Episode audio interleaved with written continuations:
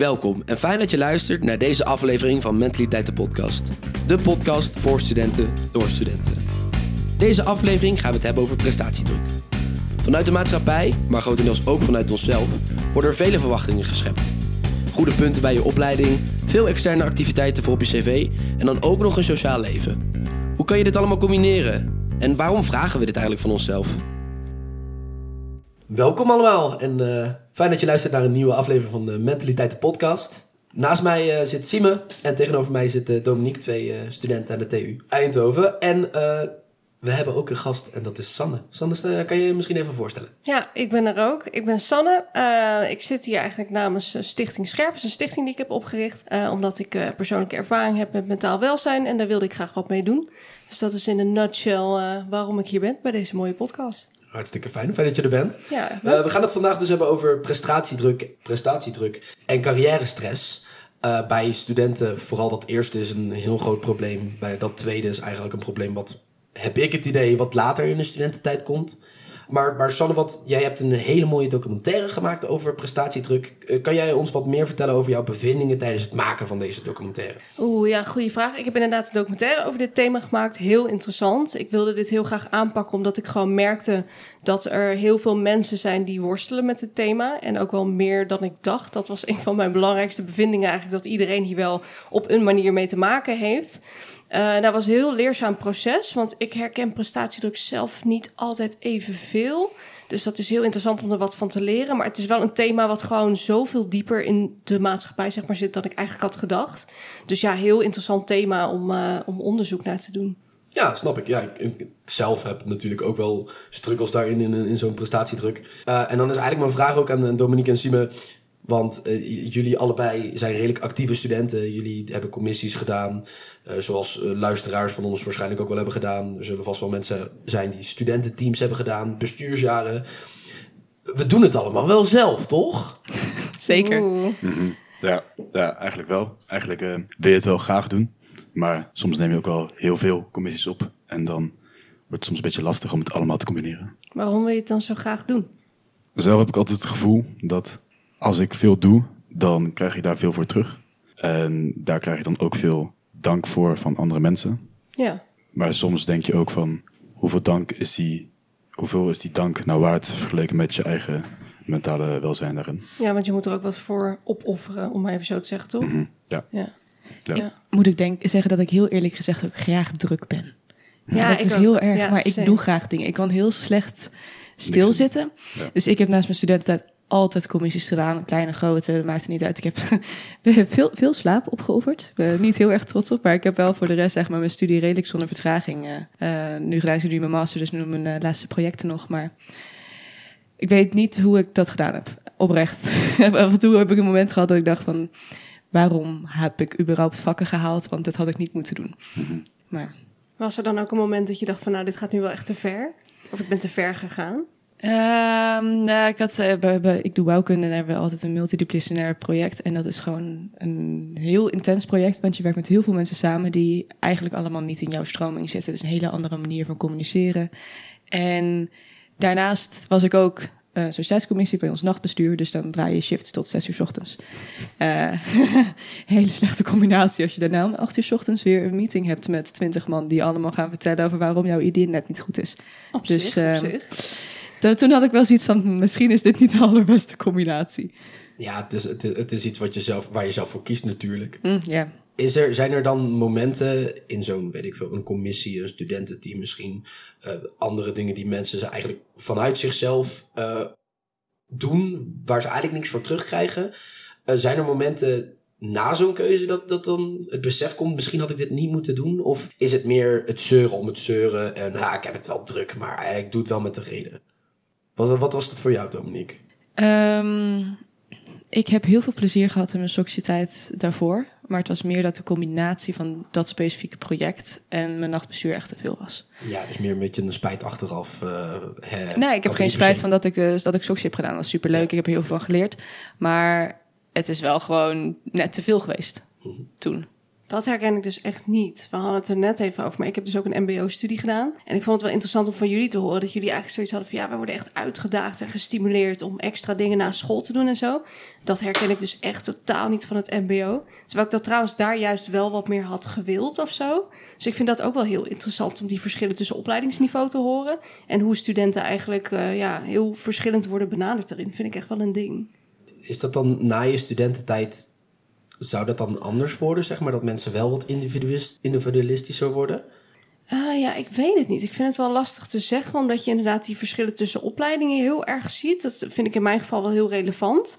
Want als je het dan hebt over prestatiedruk die ik persoonlijk heb ervaren, ik heb altijd wel het gevoel gehad van, oh, die, die MBO-opleiding, dat is niet goed genoeg. Dat heb ik altijd wel heel sterk gehad.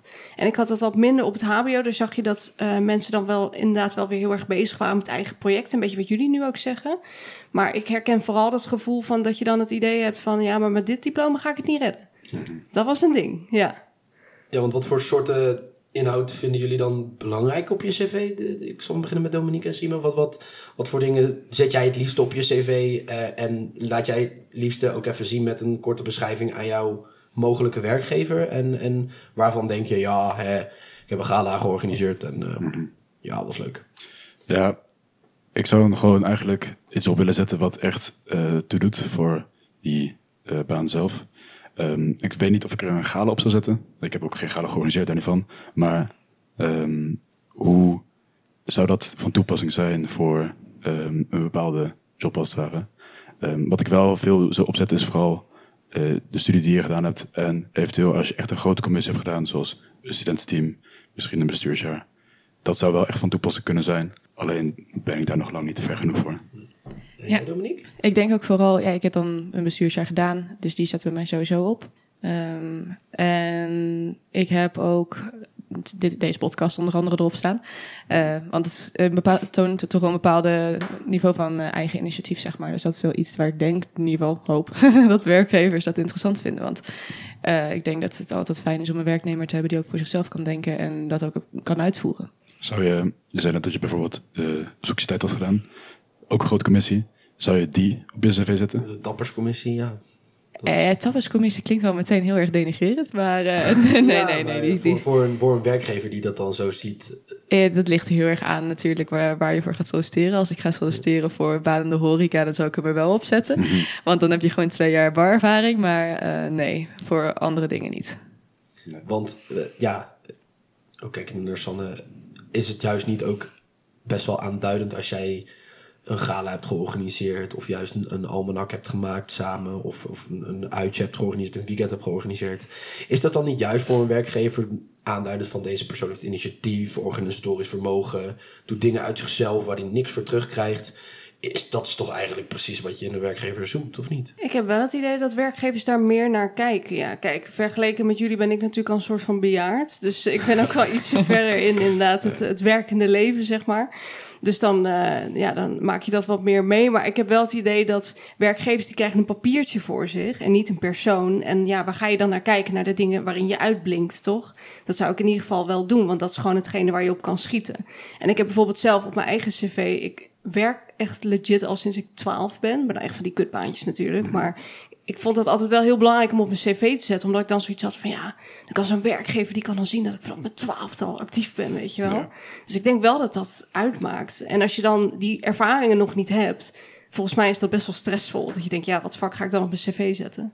Dan zou je denk je ook, um, voor, als je een commissie hebt gedaan, hoe duidend is dat voor een werkgever van je bent goed in iets?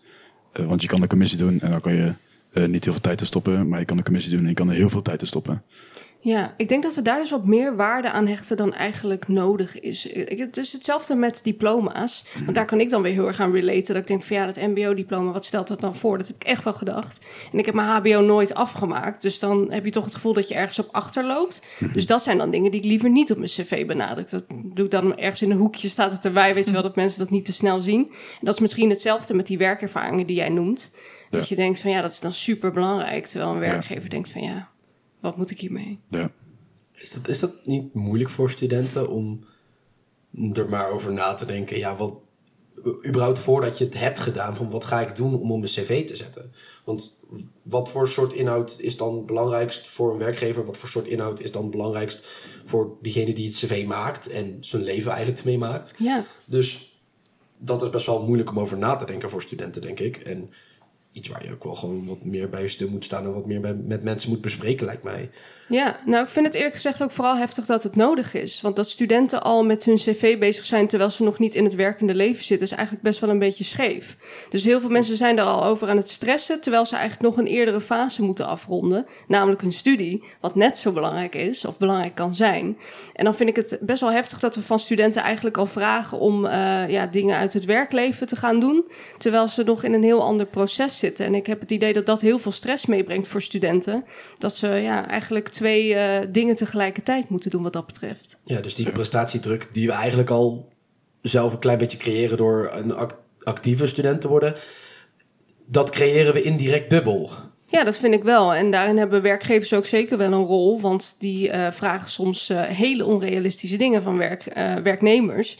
Want je moet inderdaad zoveel jaar ervaring hebben. Maar het liefst ook niet te veel betaald krijgen. Juniorfunctie, maar dan wel vijf jaar ervaring al, weet je wel. Dat soort onrealistische dingen. Ja, dat is best wel kut. De studenten gaan dat eigenlijk een soort van proberen te compenseren van ja, sorry, maar ik heb geen ervaring, want ik kom net van de studie af. Maar hè, voor de zekerheid heb ik wel allemaal extra dingen gedaan, dus dat kan het misschien compenseren. Is dat het? Ja, je krijgt gewoon daar tijdens je studie natuurlijk al stress van, terwijl je eigenlijk nog de kans moet krijgen om je eerste stappen in het werkende leven te gaan zetten. Dus ik vind dat gewoon best wel heftig dat we dat vragen van jonge mensen, dat ze ja, eigenlijk al met uh, twee verschillende dingen bezig zijn, terwijl we ze eigenlijk de tijd en ruimte moeten geven om lekker hun studie te gaan doen, uh, te ontdekken wie ze zelf zijn fouten te maken. Daar word je ook heel vaak behoorlijk op afgerekend. En dat is jammer, want daar kun je juist zoveel van leren. Ja, maar ik denk ook dat die druk die je net benoemt ook wel heel erg opgelegd wordt door onszelf. Zeker. Als in, ja. ik heb vaker gehoord van, ja, je moet een bestuurzet doen, want dat staat goed op je cv. Ja. En om een bestuurzet te doen, moet je daar wel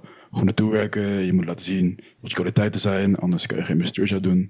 En dan heb je al heel snel dat je die druk voelt van, oké, okay, ik moet deze commissie pakken. Ik moet deze grote commissie oppakken, omdat ik een bestuursjas moet doen om een goede cv te hebben. Ja, je wil niet het gevoel krijgen dat je achterloopt. Ja. En als je dan eigenlijk al een beetje die uh, suggestie in je schoenen geschoven krijgt en dat dat wel zo is, ja. ja dan ga je steeds harder werken om maar uh, mee te komen met de rest. Of eigenlijk liever nog erbovenuit te steken. Ja. Maar wil je dan niet meekomen met een beeld van de rest? Want ik denk dat als we gaan kijken naar de mensen die studeren, dat de paar actieve studenten die er zijn, eigenlijk heel veel meer doen dan de rest. Maar dat is misschien ook een klein beetje een scheef beeld. Dus ik weet nou niet per se of het nou mensen zijn dat iedereen heel veel doet. Of dat er een aantal heel veel doen. Ja, en ik ben ook vooral benieuwd naar in hoeverre dat dan uitbetaalt. Want ik heb het Ja. idee dat sommige studenten heel erg aan het stressen zijn en alles inplannen en alles doen. Maar daar eigenlijk in die end niet zo heel veel van terugzien of zo. Het is niet dat werkgevers dan automatisch denken van nou, deze moeten we erbij hebben, weet je wel. Je moet dan alsnog strijden. En dan heb je er zoveel voor gedaan en misschien wel je eigen mentale gezondheid ervoor opgeofferd. Terwijl je eigenlijk niet per se direct daar resultaat van ziet. Ja. Is het dan ook dat die mensen niet zo goed zijn in, in, in grenzen voor zichzelf stellen? Dat ze maar blijven proberen om dingen te doen om maar te presteren, terwijl ze eigenlijk bij zichzelf, als ze een keertje nadenken en nog een keertje nadenken, kunnen zeggen, "Mm, kan al een paar dingen wegstrepen eigenlijk. Ja, ik denk dat het heel erg ook vanuit onszelf komt. Maar ik was bijvoorbeeld, eh, vorige week heb ik een lezing gegeven voor een groep ouders op een eh, stedelijk gymnasium. Heel interessant. En toen werd ook vanuit eh, ouders en docenten daar aangegeven van dat bijvoorbeeld de, de uitslagen van de toetsen, dat die dan eh, in de klas, dus publiekelijk, werden voorgedragen van. Eh, hoog naar laag of andersom. Nou, in ieder geval dus dat je begint met de hoge cijfers en dan steeds verder afdaalt naar van kut. Nou, dan zit je dus publiekelijk in de laagste groep, weet je wel. En dat wordt dan zo gepresenteerd. Dat zijn al van die dingen dat ik denk, jeetje, dat vind ik echt intens. Dat is echt confronterend Ja, ook. toch? Ik Ja. vind dat heel heftig, dat je mensen zo... eh, Het erge is wel, dat confronterende helpt dus wel vaak. Het Is wel dat zo? Of krijgen we daardoor juist die hoge verwachtingen? In de, in, de, in de uiteindelijke cijfers wel, Ja, moet je er wel tegenover stellen. Dat is waarschijnlijk nooit in combinatie ermee eh, eh, geresearched. Ja. Maar de mentale gezondheid van, eh, van die scholieren gaat er dan wel op achteruit. Want als jij een, een, iemand bent die daar onderaan bungelt, lijkt me niet dat dat goed voor je is. nee, dat wil je niet. Dat wil En je niet. ook wel motivatie krijgen om dan weer beter te leren en beter te studeren en om dan hoger te komen. En Als daar daar. is Ja. eigenlijk een hele moeilijke grens. Ja. Die bij, ik denk bijna iedereen wel een beetje anders ligt. Waar stopt de motivatie eh, eh, die je mensen kan geven? En waar begint het, hé, hey, nu moet je wel even aan de persoon denken. Ja, Maar- dat is een hele goeie dat je dat. Sorry dat ik je Oh, ja, onderbreek. maar ja, het Het is een hele goeie dat je dat eh, eh, aanhaalt. Want ik vind dat inderdaad ook een hele interessante kwestie. Want in principe is er natuurlijk niks met, mis met presteren. Van als je iets heel graag wil doen en je wordt er blij van en je gaat ergens voor en je hebt doorzettingsvermogen, is het natuurlijk fucking awesome als je een, een goede prestatie neerzet. Ik vind het ook terecht dat mensen daar credits voor krijgen.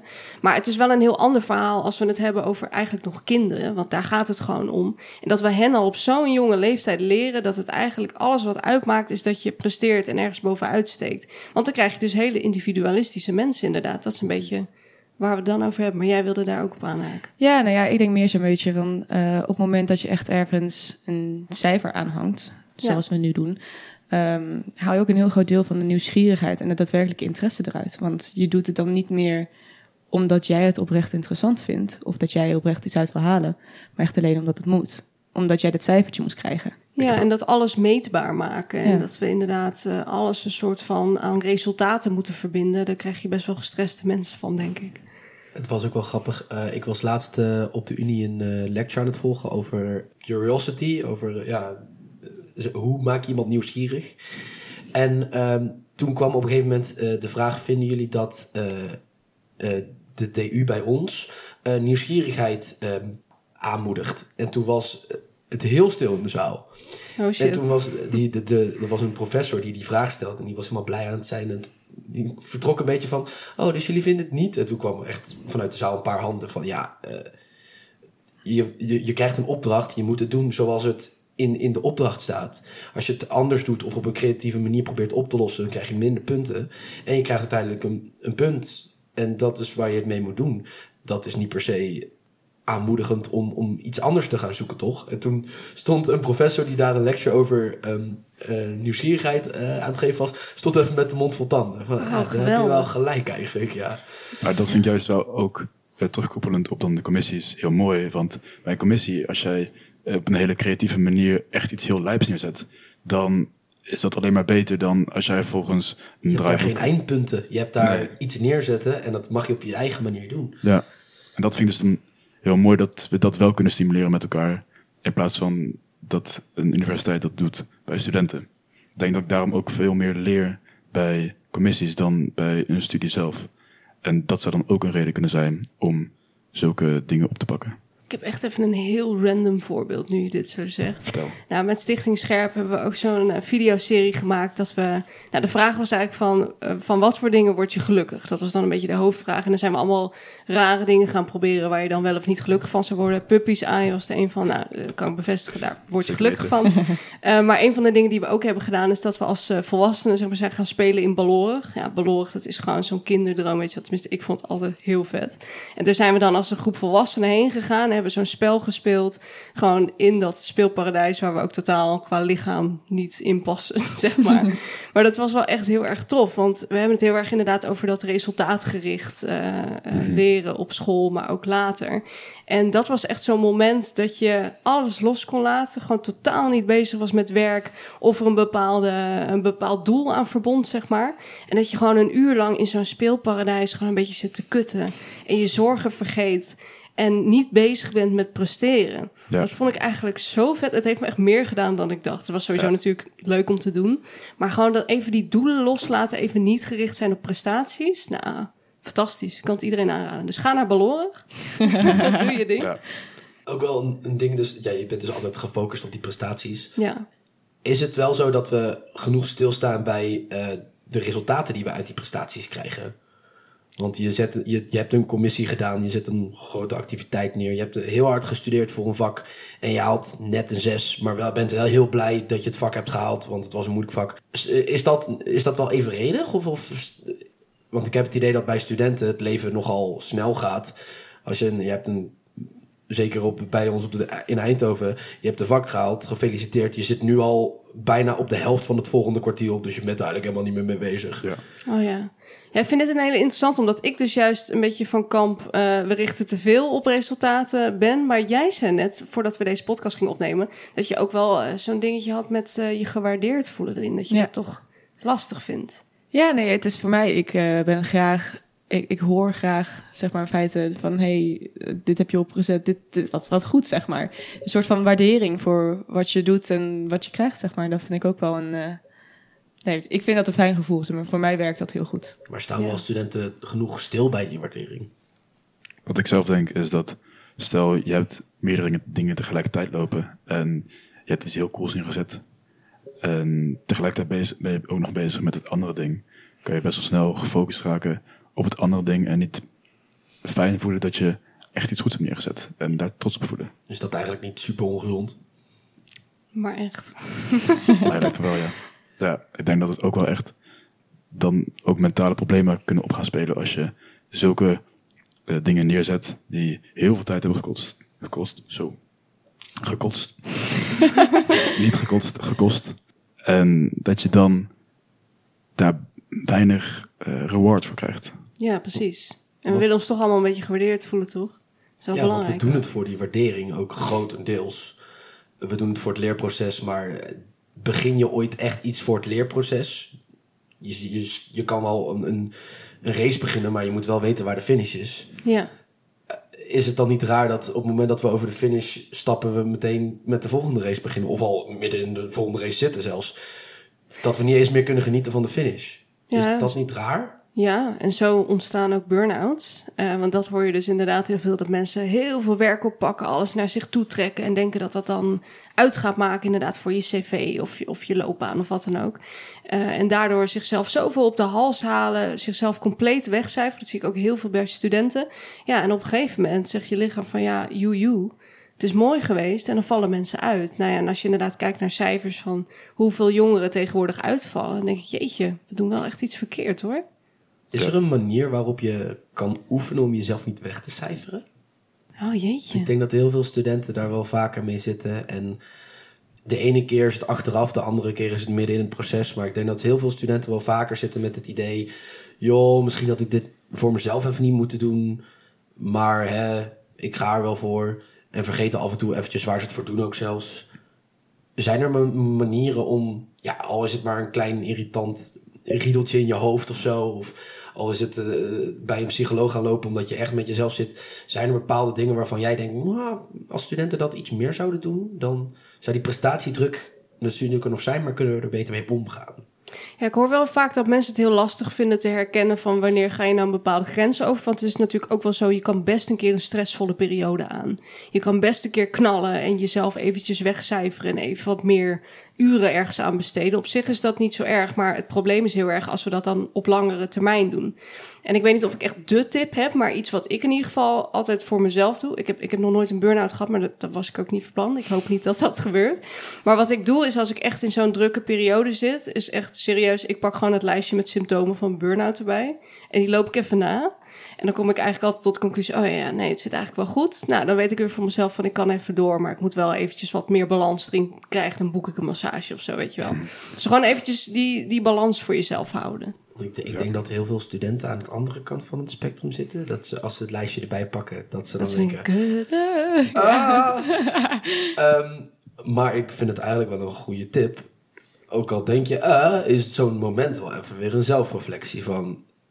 Eh, ik doe het allemaal mezelf aan, dus ik kan er ook dingen zelf aan gaan doen. Ja. Want blijkbaar gaat het niet goed. Ja, want je, je moet het zelf doen. Het moet echt. En dat is best wel kut, omdat je soms overladen wordt van alle verwachtingen van anderen. eh, nou ja, dingen die lopen. Maar je moet zelf ingrijpen. En het probleem is dan vaak dat mensen die, die signalen misschien wel herkennen stiekem, maar dan vervolgens eh, ja, er niet iets mee doen. En dan gaat het mis. Hoe doen jullie dat eigenlijk? Oeh, dat vind ik een hele lastige. Ja. Ehm, Wat ik zelf heb, is dat ik juist nu veel dingen oppak, omdat ik weet dat later ook veel gaat zijn. En ik mezelf als daar aan het trainen ben om dit allemaal te kunnen handelen. Wat natuurlijk een hele verkeerde instelling is. Ja, ik wou net zeggen. Ik vind het niks. Nee, nee. Alleen, wat bij mij heel erg killing is, om, daar krijg ik heel veel stress van, is als ik geen overzicht heb. Dus dan ben ik allemaal dingetjes aan het doen, daar weer een AP'tje, dan moet ik weer een assignment inleveren. Als ik dat overzicht niet heb, ben ik heel erg warrig in mijn hoofd. Ja. En dan merk ik dat ik dan eigenlijk gewoon daar al alleen stress van krijg. En Ja. daar alleen heel veel druk van krijg. Soms het idee van heel veel moeten doen is al gewoon heel stressvol. Soms komt er dan ook niks meer uit je handen. Ja, en wat dan heel veel mensen aanraden is van ja, haal een to-do-list erbij. Ja. En dat heb ik dus pas gedaan. Werkt heel goed. Alleen, dit heb ik wel vaker gedaan. En het is vaker weggevallen. En het is een soort van oneindige cyclus die maar steeds blijft opkomen. Dat ik dan op een gegeven moment heel veel stress krijg. Ja. ik, Rust, to-do-list. En dan to-do-list niet meer werkt. En dan krijg je weer veel stress. En dan, oké, to-do-list. Het klinkt wel alsof jij echt heel veel doet. Valt er eens mee. Ik eh, vind juist, ik kan heel goed niks doen. Dat is Oh. een van mijn favoriete kwaliteiten. Ik kan gewoon een hele dag op de bank zitten en YouTube kijken. Wat is je geheim? Hoe doe je dat? Blijven zitten, denk ik zo. Ja, ik hoor ook van heel veel mensen dat ze daar onrustig van worden. Dat Ja, ze op dat de bank kan ik zitten en echt zitten. niet. Ja, nou, dan heb je er al een. Ik kan het ook heel goed hoor. Maar bijvoorbeeld mijn broer, die heeft ook zoiets van, ja, wat moet ik dan doen? Daar word ik onrustig van. Dus Ja. ik ben wel benieuwd wat jouw geheim is om dat eh, te kunnen. Ik denk dat het gewoon heel erg aangeleerd is. Maar ik denk ook dat het wel veranderbaar is. En ik denk ook wel dat ik gewoon soms een beetje strijd heb aan andere mensen. Eh, dat ik dan niet per se ergens graag naartoe wil of ergens graag wil doen. Maar ik denk ook van, oké, ik pak gewoon een momentje voor mezelf. En dit momentje is veel waardevoller dan een biertje doen op de kroeg of een commissie doen die, waar ik misschien helemaal geen geluk uit haal. is ook iets wat we eigenlijk als samenleving een soort van ja, eh, hebben bestempeld als iets, als iets slechts ook. Ja. Als er iemand vraagt, hey, kom je een biertje doen op de kroeg, dan is nooit het antwoord, nee, ik heb even tijd voor mezelf nodig. Dan Ja. is het altijd het antwoord en dan, of het een smoes is of niet, dat mogen mensen zelf invullen. Vaak is het wel een smoes, nee, ik voel me niet zo lekker, nee, ik heb nog een assignment. Terwijl, als jij zegt, hey, het wordt hem gewoon niet vanavond, want eh, ik heb er helemaal geen zin in, moet er ook toch gewoon een acceptabel antwoord zijn. Nou, ik moet zeggen, ik gebruik juist zeg maar, die momenten in de kroeg als een beetje zeg maar, het, even de rustmomenten. Want ja, dat eh, klink- klinkt heel raar misschien. Maar eh, ik merk van mezelf dat ik heb wel eh, echt wel een paar keer tegenaan gezeten dat ik echt gewoon wat te veel gewerkt heb. En ik merk dan dat ik juist de sociale dingen als allereerste af zijn. Dat ik meteen zo was van, oh, dat kan, dat kan er niet ook nog bij, weet je wel. En ik merk heel snel dat als ik dat doe, en dat ben ik dus te veel aan het doen. Dus dan kan ik de andere dingen dan weer een klein beetje terughalen. Dus ik plan juist die sociale momenten in, zodat ik weer even die rust kan creëren van oké, nou even, even niks, even geen werk, even gewoon gezellig met mijn vrienden, even praten, bijpraten. Ehm, die zijn voor mij juist heel erg belangrijk. Misschien een vraag dan ook aan Sander. Zijn dat ook symptomen van, eh, want jij zegt bijna richting een burn-out of bijna richting het randje. eh, zijn het vermijden van sociale ehm, ja, evenementen ook eh, vormen van, symptomen van burn-out? Ja, dat kan best. Eh, maar het is ook eh, vaak een symptoom van depressie. Dat is dan weer een andere hoek natuurlijk. Maar eh, ja, dat soort dingen, dat zijn wel echt signalen. Van als je dan allemaal dingen gaat afzeggen die je normaal gesproken heel leuk vindt. Of in jouw geval bijvoorbeeld ontspanning van krijgt. Er zijn ook mensen die het helemaal niet ontspanning vinden om te gaan socializen. Maar ik heb dat bijvoorbeeld wel ook. Eh, dat ik daar echt van kan opladen. En als je dan merkt van, nou, je hebt er eigenlijk geen tijd meer voor. En je gaat leuke dingen afzeggen waar je juist eh, ja, dat opladen van kunt krijgen. Dan is dat zeker een symptoom. Absoluut. Maar ja, hè, geen tijd.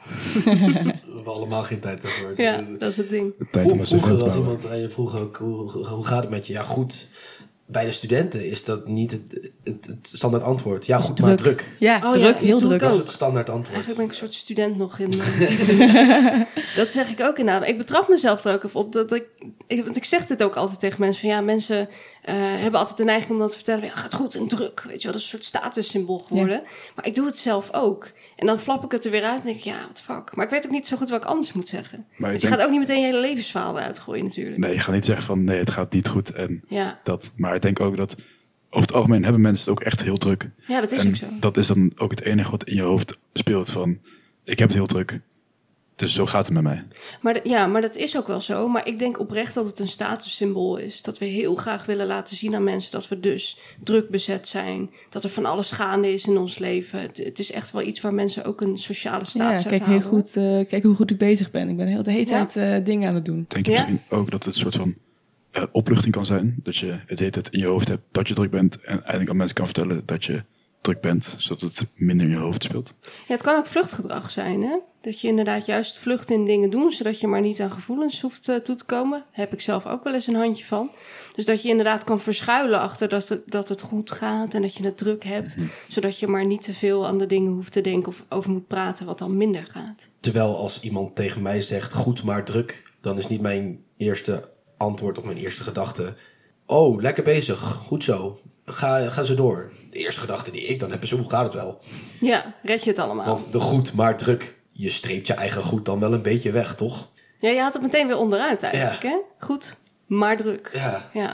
Dat betekent dat druk zijn ook geen positief is. Maar ik denk ook juist als je druk bent, dan kan je er heel veel dingen van leren. Als je, zoals ik soms, eten op de bank zit, dan heb ik wel gedacht van, ja, wat heb ik nou eigenlijk vandaag gedaan? Wat heb ik vandaag geleerd? Wat kon ik nou wel doen? En voel je je daar dan schuldig over? Ja, best wel. Dan zit daar wel iets van spijt in.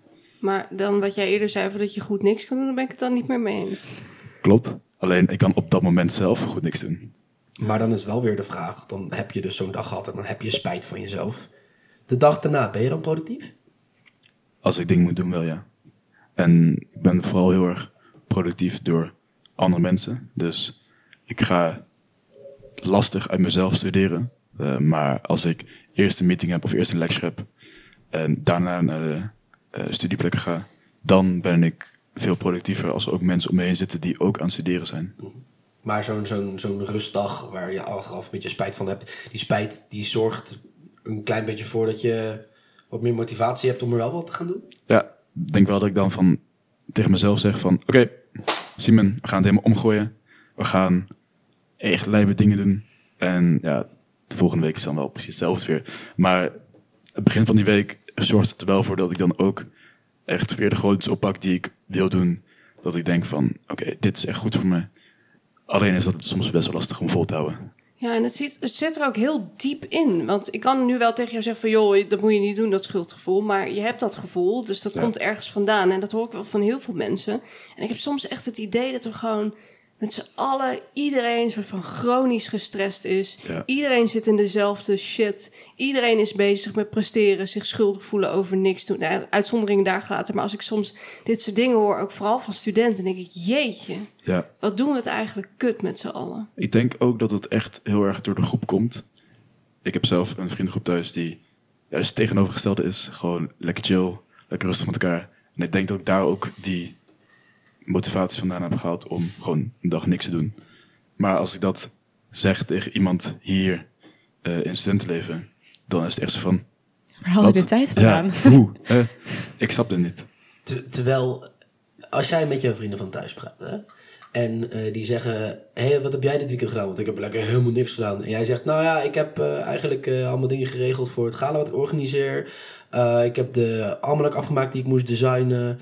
Oh ja, ik heb ook nog gewoon gezellig met wat eh, vrienden van eh, Eindhoven nog een biertje gedaan. Maar daarvoor heb ik ook nog een meeting gehad over dat. Voel je je dan niet ook productiever dan die mensen? Jazeker, maar dan de eerste vraag is... Waarom ben je echt zo druk? Waarom doe je zelf dit aan, als het ware? En wat zeg je dan? Dan ben ik stil. Ja. Ik, denk- wil ook eigenlijk een soort van pleidooi geven voor de 9 tot 5 mentaliteit. Want dat hebben we in de tussentijd ook een soort van. Dat mag niet meer. Dan zie je heel veel in vacatures staan van. Je hebt geen 9 tot 5 mentaliteit. Ik denk, jawel. Wat dacht je daarvan? Gewoon werken inderdaad tussen tijden die daarvoor zijn aangegeven. S'avonds lekker chillen op de bank waar het voor bedoeld is. Ik vind het echt zo'n onzin dat er van ons zo'n flexibiliteit gevraagd wordt. Die eigenlijk heel onrealistisch is om te geven. Ja, doen ze in eh, Noorwegen en Zweden heel erg. Is het verplicht dat je eigenlijk eh, na je werktijden gewoon niet meer mag overwerken. That's right. Dat lijkt me zo heerlijk. Ja. Ja. Ik, denk, ik hoop ook, maar ik denk ook wel dat we in de samenleving van tegenwoordig ook meer richting die kant aan het sturen zijn. Ik denk eerder dat het Amerikaanse volgen van 24-7 eh, Ja? het moet bedraaien. Ja, want Dat in heel veel... ervan niet, ja. Ja, dat zie je bijvoorbeeld bij een ASML. Die moeten, moeten blijven draaien, want anders verliezen ze miljoenen per minuut als ze stilstaan.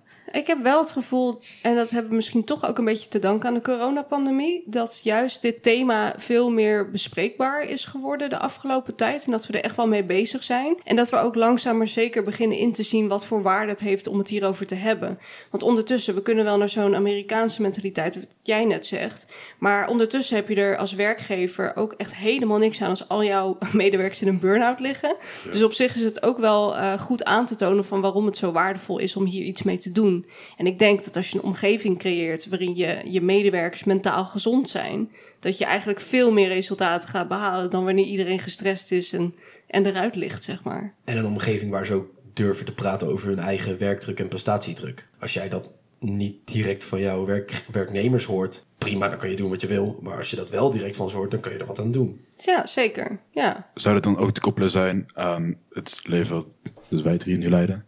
Dat wij ook allemaal uh, druk opgelegd krijgen. En dat wij eigenlijk de hele dag bezig zijn met dingen fixen. En de enige ontlading die sommigen maar kunnen hebben, is als je naar de kroeg gaat en een biertje doet. Zou je deze ontlading ook niet kunnen uh, krijgen door geen alcohol te nuttigen of door geen, uh, niet naar de kroeg te hoeven? Of... Ja, ik moet bijvoorbeeld zeggen, ik drink meestal, als ik eventjes dat soort dingen doe, drink 0.0. Ja. Maar het is ook uh, deels geboren uit. Oh, je maakt morgenochtend weer meetings doen. Ik heb geen zin om brak te zijn. Dus, ja. dus ik denk niet dat alcohol daaraan precies gerelateerd is van hey, uh, het haalt je stress weg. Uh, maar... Het haalt de prestatiedruk zeker niet weg. Nee, nee. Dus je vergeet het misschien even voor een avondje van anderhalf uur. Maar daarna word je dan brak wakker. En dan de ene keer slaap je wel uit, de andere keer niet. Maar je weet dat je toch weer aan het werk moet.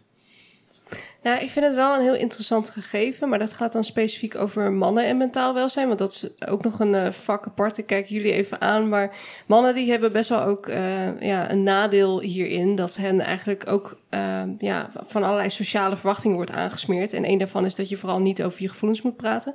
Slaat nergens op, maar het is wel zo. Uh, en bijvoorbeeld als je dan hebt over drank, wat jij net ook zei, of, of middelen gebruikt, dan zie je in uh, zeg maar zo'n jonge groep, een beetje 15, 18, zeg maar, zie je ineens zo'n hele grote piek in wanneer uh, middelengebruik toeneemt. Dus dat is ook wel een interessante, want het komt natuurlijk ergens vandaan. En het kan best te koppelen zijn ook aan dat je op die leeftijd ineens heel erg te maken krijgt met verwachtingen en dat je moet gaan presteren. Ja, dan heb je soms iets nodig om een beetje daarmee te kunnen dealen, denk ik. Je moet weten wat je gaat doen, je moet er goed op voorbereiden als je het niet weet wat je moet doen, moet je op als voorbereiden. Want ja, je weet het nog niet. Dus hè, kijk maar. Al die dingen die, die kunnen er zeker voor zorgen. Ja, dat lijkt me wel. Dat denk ik ook. Ja, ja, zeker. En daarom is het zo belangrijk dat we er allemaal over blijven praten. Ja, en dat moeten we dan ook wel doen. Want ik vind dit wat jullie doen met de podcast, vind ik ook gewoon awesome. Omdat je inderdaad gewoon een gelegenheid creëert om erover in gesprek te gaan. Nou, kijk ons gaan. Ik vind het heel interessant. Ik leer ook echt heel veel van jullie. Echt tof. Ja, ja het, het, het, het gesprek gaan houden, het gesprek hou vastgeven. Uh, zorgen dat je er met je vrienden over praat, met, uh, met familie over praat. Het maakt niet uit, uh, maar erover praten is vaak een oplossing die heel veel psychologen zeggen. Ja, je kan zeggen wat je wil, maar dat werkt het beste. Zeker, want heel veel mensen vinden die drempel denk ik heel erg hoog. We schieten een soort van in een panische paniek als ze het dan over mentaal welzijn hebben van oh, dat, dat is een heel heftig thema. En dat kan het soms ook echt zijn. Maar juist inderdaad het gesprek op zo'n manier voeren. Ja, je hoeft echt niet altijd meteen de GGZ in of zo. Ja. Mag wel, maar hoeft niet. Maar juist dit gesprek wat jij ook zegt, dat is denk ik, dat maakt zoveel meer impact dan dat we allemaal alles maar opkroppen en dat het er later ongetwijfeld een keer uit gaat komen. Ik denk ook het gesprek goed voeren. Want als jij ooit bijvoorbeeld over druk of over prestatiedruk praat met iemand anders, dan kan er soms nog wel de reactie komen van, oh, maar ja, ik heb dit en dit en dit, dus jij hoeft helemaal niet te zeuren om dit. Oh ja, dit is een ding. Ja. Is heel erg een ding. Ja, dus dat je dan je gevoelens uit over die druk, ja, ik heb het zwaar, en dan zegt die andere, maar ik heb het ook zwaar. En dan ben je eigenlijk gewoon allebei aan het uiten en allebei niet aan het luisteren naar elkaar toe. Ja. Waardoor je eigenlijk allebei er niks aan hebt. En daarom is het belangrijk om het ook een begripvol gesprek te laten zijn. Ja. In plaats, van, ik snap je. Trouwens, ik heb het ook druk. In plaats ja. van een soort van clash te creëren, kan je dan ervoor zorgen dat je met elkaar uh, ja. kan, kan sympathizen van, ah, jij hebt het ook zwaar, waar heb jij het zwaar mee? Oh, ja. Met dat specifieke puntje zit ik ook mee. Zullen we een keertje samen zitten om gewoon samen een planning te maken of zo? Want dat is, kunnen we elkaar helpen en dat soort kleine dingen. Um, ook al lost het het grote probleem van prestatiedruk niet per se altijd op je kan er wel beter mee dealen. Ja, dat. En dat dan inderdaad meer op een soort van uh, ja, wat, lager niveau. Maar op een wat hoger niveau vind ik ook dat uh, mensen die niet meer in de studententijd zitten, die wat ouder zijn, boomers, uh, vind ik uh, dat die ook wel even wat meer een effort mogen maken. Want wat jij zegt inderdaad, dat heel erg gebagatelliseerd wordt. Mm -hmm. heb je heel vaak met oudere mensen die, ik weet niet wat het is, maar je vergeet dan toch heel snel hoe het die was in je studententijd of zo. En dat je dan geen sympathie meer hebt voor die groep. En dat je heel vaak zo'n reactie krijgt van, ja, maar in mijn tijd. En dan zo'n hele lijst met dingen waar zij mee moesten ja. dealen. denk je, ja, dat is ook heftig. Maar goed, studenten van nu hebben ook weer hun eigen issues. Bijvoorbeeld woningmarkt is daar dan ook zo'n mooi voorbeeld van. Zeker. Dat, ja, in mijn tijd kon ik altijd uh, kon ik zo een huis kopen. Dus wat stellen jullie eigenlijk aan? Ja, om een huis ja, op een 24ste. Toen dacht ik ook ja. van, oh ja. Ja, daar zijn wij jaloers op. Uh, studieschuld van 40k, ook leuk. Studieschuld, ook zo'n mooi thema inderdaad. Dus ik vind dat ook oudere mensen best wel even wat meer begrip mogen tonen. Wat meer sympathie mogen hebben voor de issues waar jonge mensen nu mee te maken krijgen. En ik snap dat, dat het anders is omdat je er zelf dan minder mee te maken krijgt. Maar dat begrip, dat wederzijdse begrip, dat is wel heel belangrijk. Want ondertussen zijn dat de mensen die ook in beleid zitten en keuzes hierover Ja. kunnen maken. Ja, maar papa, mama, tijden veranderen. Dat, ja. Ja, dat. Ja, ik denk dat eh, we daarmee eh, kunnen afsluiten deze aflevering. Hartstikke bedankt, Sanne, voor, eh, voor het met ons samen zitten. En eh, voor de luisteraars thuis, hartstikke fijn dat je luisterde. En fijn dat je wat tijd voor jezelf nam.